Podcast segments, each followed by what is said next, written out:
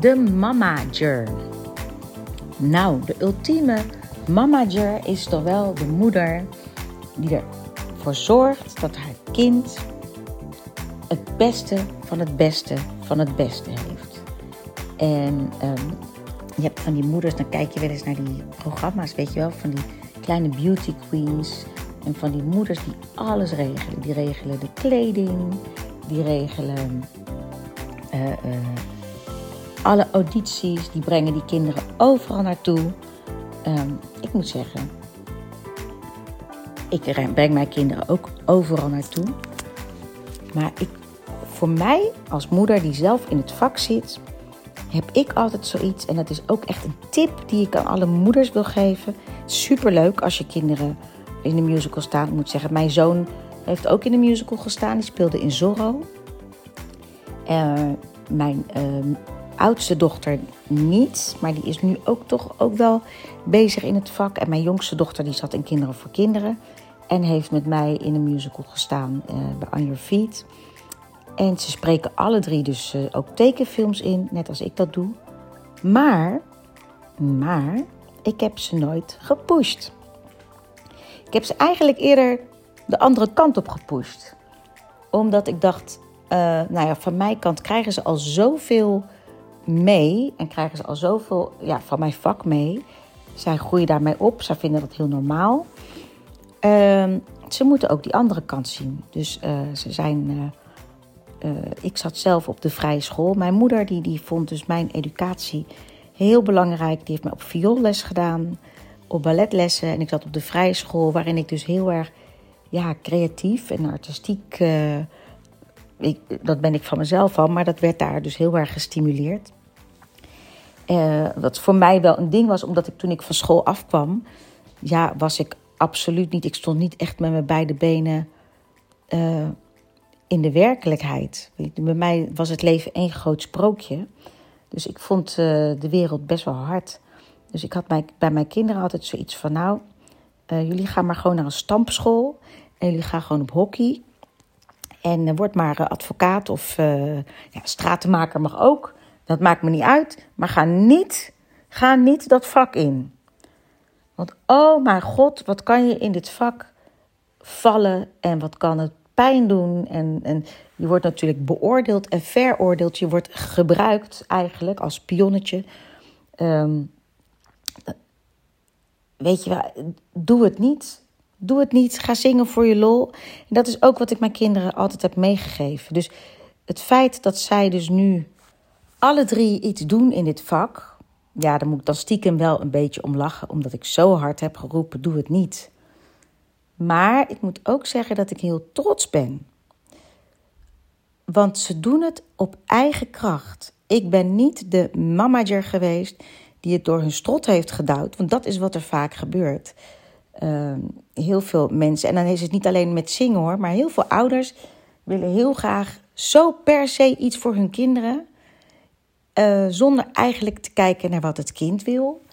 Uh, ja, en dan soms heb je, heb je ouders die en ze rijden naar inspreken en dan moeten ze daar en dan moeten ze daar een casting en daar een fotoshoot. En dan denk ik altijd van, oh, kunnen die kinderen dan nog spelen? En ik denk juist, als je speelt en als je de ruimte hebt om te spelen als kind en als je de ruimte hebt om te ontdekken en andere dingen te ontdekken, dat creativiteit en dat die muziek, dat dat juist dan tot wasdom komt. Dat het juist dan sterker wordt. En als ik dus nu bijvoorbeeld zie, uh, mijn dochter, die, die wilde heel graag uh, ja, uh, zangeres worden. En um, ja, ik moest dan even een bandje regelen. Ik heb, natuurlijk, ik heb natuurlijk zoveel connecties. Ik moest even dit regelen, ik moest even dat regelen. En ja, ik wil nu een single opnemen. En toen zei ik van, joh, ik koop een piano. Ga maar pianoles nemen. Nou, dat wou ze niet. Die piano die staat hier nog steeds. Maar nee, ze wou geen pianoles nemen. Nou, gitaar, gitaarles vond ze ook stom. Uh, ik heb, in de tuin heb ik nu een opnamestudio. Nou, daar ging ze ook niet in. En toen dacht ik, ja, ik kan haar nu wel gaan pushen, maar het moet uit zelf komen. En het mooie is, het is uit, uit haarzelf gekomen. Ze is dus nu aan het produceren. Ze is dingen aan het doen. Dus als je als moeder vertrouwt dat het wel komt en als je ze gewoon goede input geeft, als je een beetje stuurt, het is onwijs eng, maar het werkt. Ik heb ook nu met mijn jongste dochter dat ik dan vaak denk: uh, ja, jij doet te veel. Ik probeer daar echt de rem op te zetten. Uh, niet om haar te, uh, te remmen in haar ontwikkeling, maar ik vind het dus jammer dat ze spreekt heel veel tekenfilms in. Ze heeft kinderen voor kinderen gedaan. Nou, dat is een ontzettende leerles geweest. Maar die kinderen zitten al zo snel onder druk. Die moeten al zo presteren. En die moeten al zo op school moeten ze presteren. En die kinderen, dan denk ik van nou, dan is heel die speelsigheid eraf. En dan krijg je dus eigenlijk vaak kids die dan afgestudeerd zijn, die dan bij mij komen en niet meer weten hoe ze moeten spelen. Maar dat komt omdat er bij sommigen al heel vroeg, heel vroeg die druk erop zat. Nou ja, en zo mijn zoon ook, die zat vroeger wel, heeft ook de musical Zorro gedaan. En uh, ja, ik wou hem heel graag op ballet. En ik zag dat bij Lucia Martens. Ik zag het al helemaal voor me. Weet je wel, ik denk, nou, die, uh, die past daar helemaal tussen. Maar hij, hij wilde echt niet. Dus ik heb het ook niet gepusht. En ze zijn nu alle drie, alle drie gaan ze die kant op. En wat ik dus nu kan, juist ook omdat ik natuurlijk mijn connecties heb. En omdat ik al bijna 30 jaar in het vak zit. Uh, kan ik wel tegen ze zeggen van, joh, bel die eens even. Oh, bel die eens even. En die ken ik natuurlijk, daar ben ik mee opgegroeid. En dat is, dat is wel fijn, maar ik moet ook zeggen dat ze allemaal hun eigen weg gaan. Ze hebben hun eigen mensen. Eh, waar, waar ik weer wat van leer. En dat is zo leuk. En dat wil ik eigenlijk zeggen aan de moeders die hun kinderen graag in het vak willen. Als ze echt willen, het komt wel. En als ze een keer iets willen, prima. Maar push ze absoluut niet. En als een jongen de baard in de keel krijgt, dan heeft hij de baard in de keel. En ga hem niet alle kanten op drukken dat hij toch maar op toneel kan. Want hij komt vanzelf op toneel. Of zij komt vanzelf, als ze dat willen. En als ze er echt rijp voor zijn. En ze gaan het leren wanneer ze het moeten leren. Dit creatieve vak is niet iets wat je moet afdwingen. En dat is ook een les naar mij, want ik kon dus ook niet afdwingen dat zij dat vak niet ingingen. oh, wat wou ik dat graag. Maar goed. Het mooie aan het vak is natuurlijk dat je door zingen en door acteren ga je door dingen van jezelf heen. Ik denk dat als ik niet op toneel had gestaan en uh, ik heb natuurlijk ook tijdenlang zeven, acht shows per week gespeeld. Als ik dat niet had gedaan, dan was ik niet zo door mijn scheiding heen gekomen. Of dan was ik niet door dingen heen gekomen die gewoon heel moeilijk waren in mijn leven.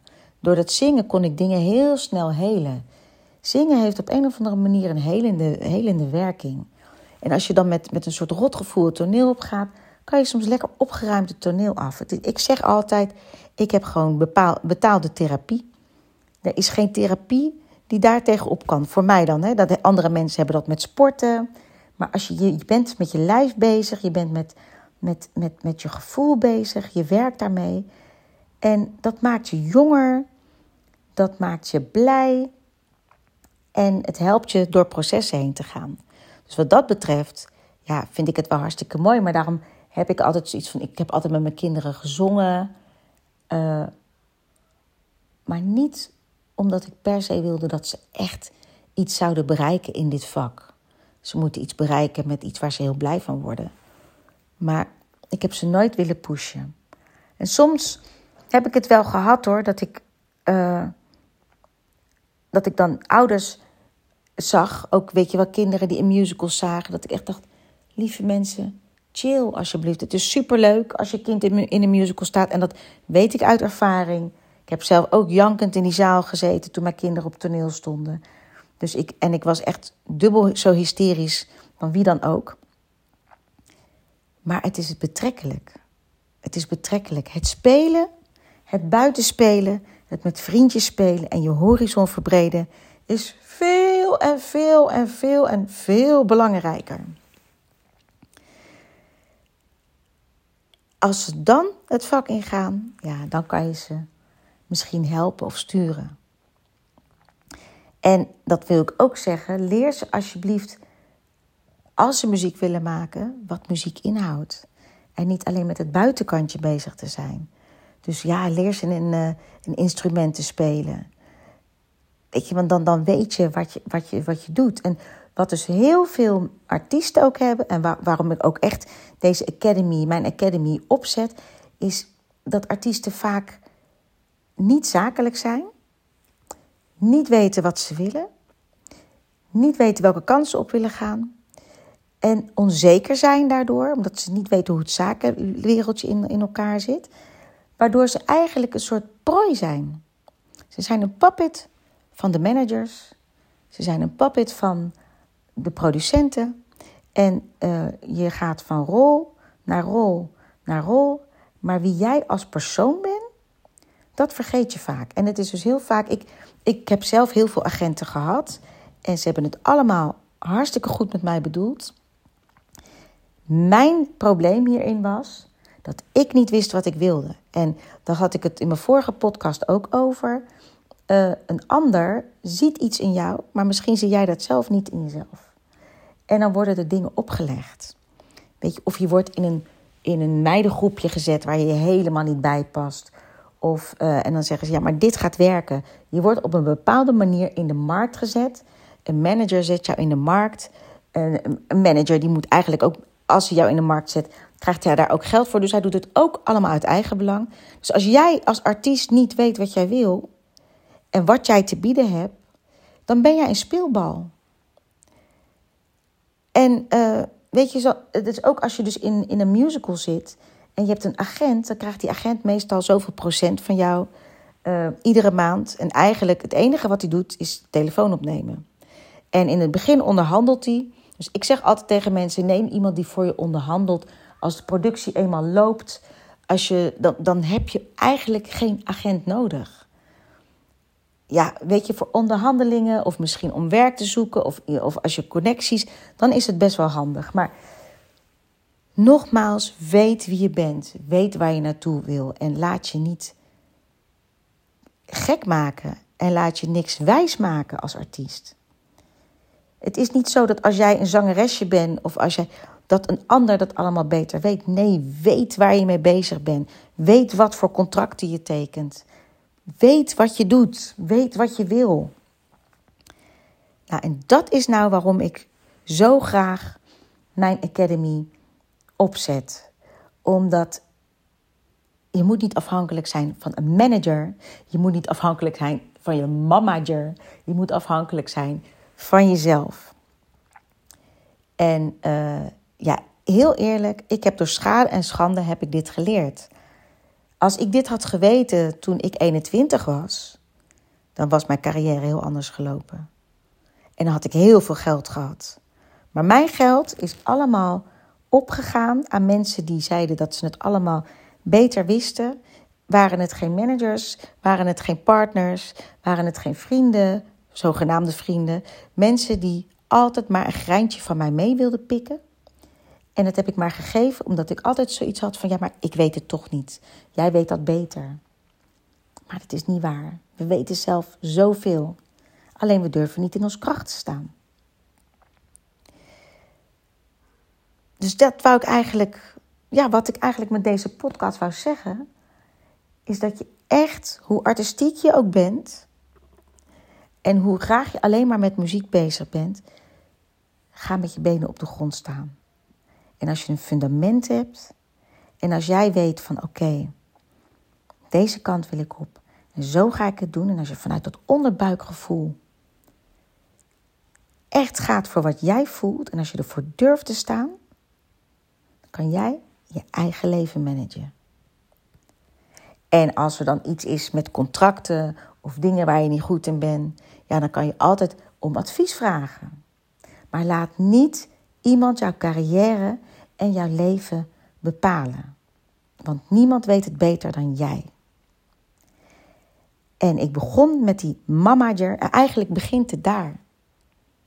Eigenlijk begint het daar. Jij moet leren, als de kinderen moeten leren om te spelen, te zijn en te ontdekken. En als artiest moet je ook weten dat het vak meer is dan alleen dat topje wat je ziet.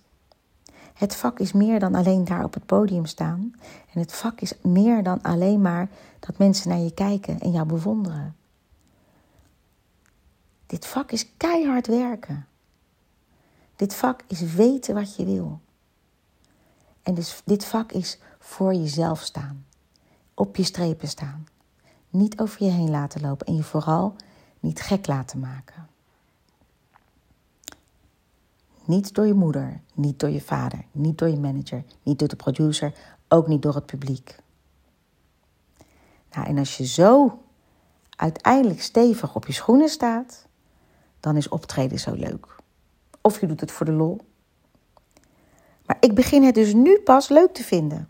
Nu pas, ik zit nu in de bodyguard en ik heb, ik heb echt alle rollen gespeeld die ik wilde spelen. En mijn droomrol is ook uitgekomen. Tina heb ik gespeeld. En ehm, nu begin ik eigenlijk te weten wat ik wil.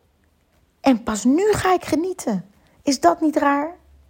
Ik ga nu pas genieten van mijn werk. Ik voel me voor het eerst geen marionet. Ik voel me voor het eerst geen poppetje die maar doet wat er gezegd wordt. En het leuke is, ik doe er niemand pijn mee. Dus nou ja, dat is dus echt. Ik wou het nog één keer hebben over mijn academy. Dit is dus echt waarom ik dit doe. Dit is echt wel. Ik wil zo graag artiesten wakker maken. Dat ze niet afhankelijk zijn van snelle jongens, snelle praatjes, snelle managers. Nee, je bent afhankelijk van jezelf. Nou ja, en mocht je denken van, goh, ik wil weten hoe en wat, ga bij mij de kick-off doen. Ga bij mij de kick-off doen. Dit is gewoon vette, ordinaire reclame wat ik maak. Maar ik weet dat wat ik met die kick-off 21 dagen, dan gaan we helemaal diep in wat je wil. En je gaat op een gegeven moment je prijs bepalen. Je gaat jezelf in de markt zetten. Ik kan je helpen. Want ik heb en mijn diploma's als NLP-coach en ik heb zoveel jaar ervaring. Ik kan jou helpen. Ik heb het eigenlijk nog nooit zo ordinair gedaan. Reclame gemaakt en gezegd: joh, als jij jezelf in de markt wil zetten, ga dit doen. Maar ga dit doen. Ik kan niet wachten om je te zien en ik kan niet wachten om met jou te werken. Hup, op eigen benen staan. Wees je eigen manager.